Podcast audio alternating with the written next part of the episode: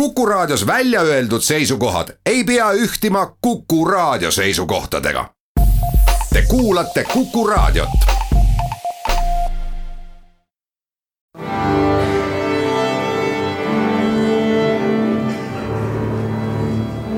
daamid ja härrad, Eesti Kontserdi saade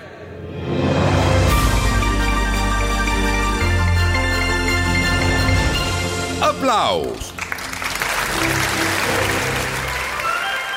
tere kõigile, Eesti Kontserdi saade Applaus ja mina, Lauri Aav, otse Saaremaalt, sest siin algavad just täna Saaremaa ooperipäevad.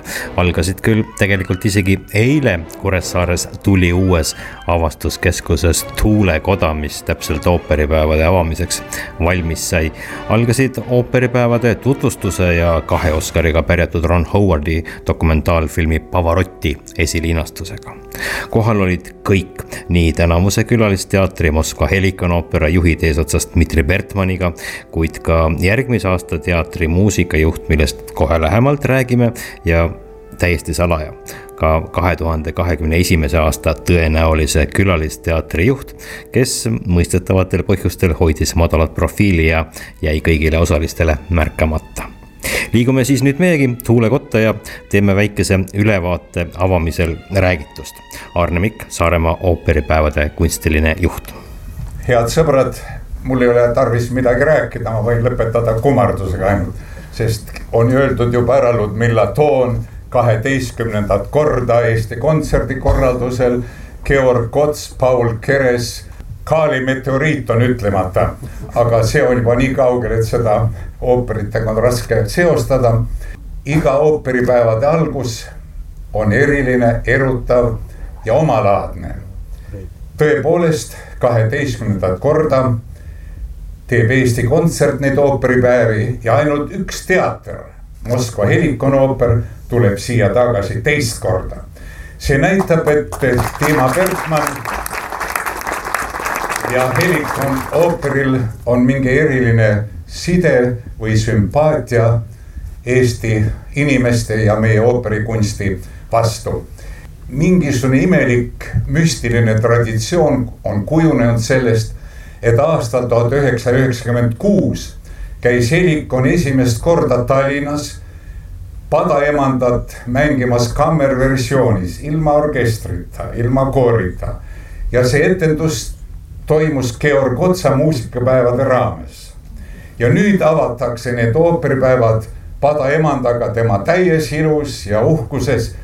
ja samaaegselt jõuab publiku ette etendus Mister Georg Ots, on ilus kaar ja sisuline side. me oleme seda teksti lugenud, mida Dmitri Bertmann ja tema kolleegid on ette valmistatud, näinud me keegi ei ole. ja seetõttu on erutus sama suur kui publikul kui ka nendel, kes lava taga seisavad. ja kuna Helikon käis siin seitse aastat tagasi, siis veel üks sümboolne väike vihje võib olla, et pärast Georg Otsa nad näitavad veel Kurt Vaili seitset surmapattu, nii et pidage meeles, seitse aastat, seitse surmapattu. aga ükski patt ei lähe arvesse, sest kõik on hea südamega tehtud suur tänu ja ma arvan, Dmitri Bertmann räägib nüüd sellest juba lähemalt. tere, tere, tervist. Я дальше по-русски или по-английски? Как? Я хочу сказать, что, наверное, самое большое kõige suurem õnn maailmas on see, kui sul on kodu, sul on sõbrad ja õnn on see, kui me läheme külla ja kui me tuleme külla ja kui meile tullakse külla, siis me näeme vaeva ja küpsetame ja teeme söögi, mida ei saaks ükskõik millise raha eest ühestki restoranist kogu maailmas. Eesti on meie jaoks otse kui kodu, siin on meie sõbrad ja me tuleme alati Eestisse külla oma sõpradele jumaldame Eestit. seetõttu julgen ma öelda, et meil on siin publik, keda me tunneme näost näkku ja see on väga oluline. ma olen väga tänulik, et me oleme jälle siin, et meil on terve nädal et me tõime kaasa absoluutselt eripalgelise repertuaari, erinevad ooperid, Tšaikovski Padaemanda, Pulenki karmeliitide dialoogid, loomulikult Verdi Nabucco ja lisaks ooperigala, lastegala ja suurlavastuse Mister Georg Ots. mul on selline foto, kus ma olen pisikene, nii umbes nelja või viieaastane ja seisan kõrvuti Georg Otsaga. Kindlasti ei suutnud ma siis kuidagi ette kujutada, et minule langeb kaela õnn ja au kunagi Eestis lavale tuua Georg Otsa eluga seotud lavastus. aga ma tahan öelda, et selle idee istutas mulle pähe Jüri Leiten, selline omalaadne Eesti Diaghilev Jüri Leiteniga tutvustas mind omakorda kunagi minu teine hea sõber Eerik Lass. nii on kogu Georg Otsa lavastus otse kui meie sõpruse vili. kunagi istusime Eeriga, sõime suitsuleste ja jõime õlut ja ta rääkis mulle palju huvitavaid detaile Georg Otsa elust. mina kuulasin ja jätsin kõik meelde. kontrollisin hiljem Aarne Miku peal, aga tema on vait nagu partisan ta teab kõike, aga vaikib. ta ei ütle, et see on olnud, aga ei väida ka, et seda pole olnud. seetõttu on kõik muidugi meie isiklik vaade Georg Otsa elule, kuid mulle on, jäänud mulje, et Georg Ots ei olnud väga õnnelik inimene. kogu tema populaarsuse juures tundub mulle siiski, et tal oli mask ees. mask sellepärast, et ta oli uskumatult üksildane inimene, vaatamata oma kolmele abikaasale, vaatamata kuulsusele, vaatamata sellele, et teda kätel veel kanti. me tegime lavastuse, kus osalevad täiesti vapustavad Eesti kolleegid Heli Veskus ja Rene Soom. Eesti lauljad, kellega mind seovad väga pikaajalised sidemed Eestis lavastatud ooperitega.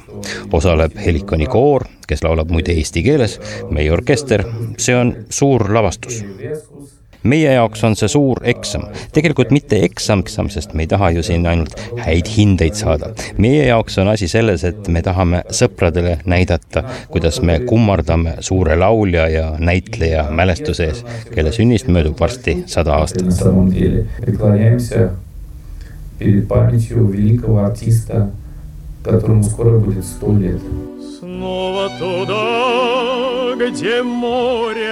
ooperipäevad algavad täna, nagu öeldud, Tšaikovski Padaemandaga. homme on kauaoodatud lavastuse Mister Georg Ots esietendus ning korduslavastus veel Helikoni lahkel kaasabil pühapäeva päeval, kuna esimene etendus teadupärast on täiesti välja müüdud.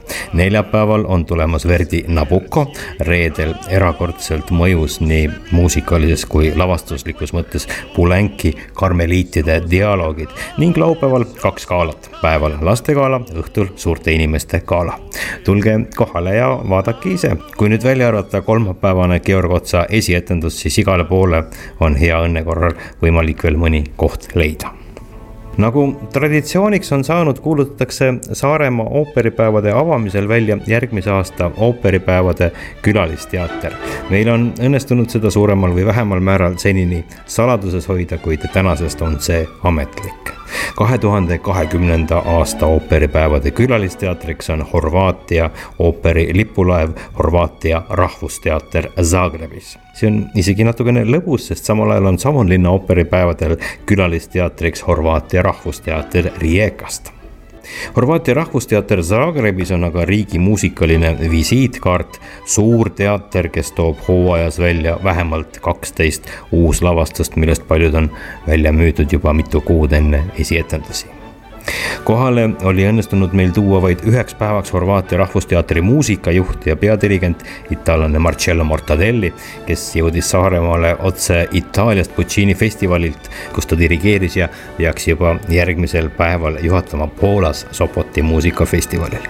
mis paneb aga kõrvu kikitama, on järgmise aasta ooperipäevade lavastuste rahvusvaheline haare.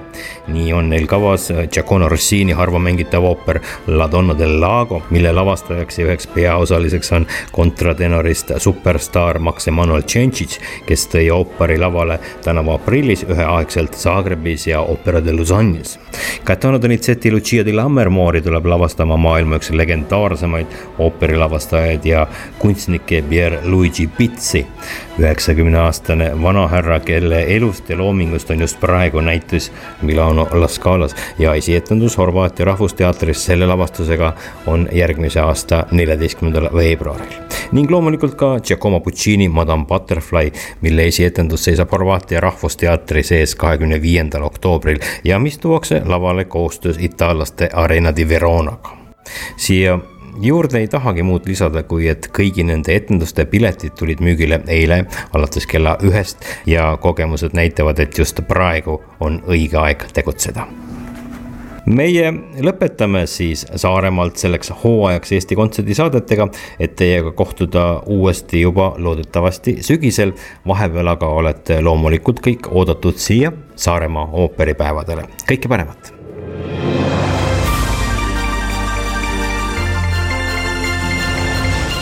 Aplaus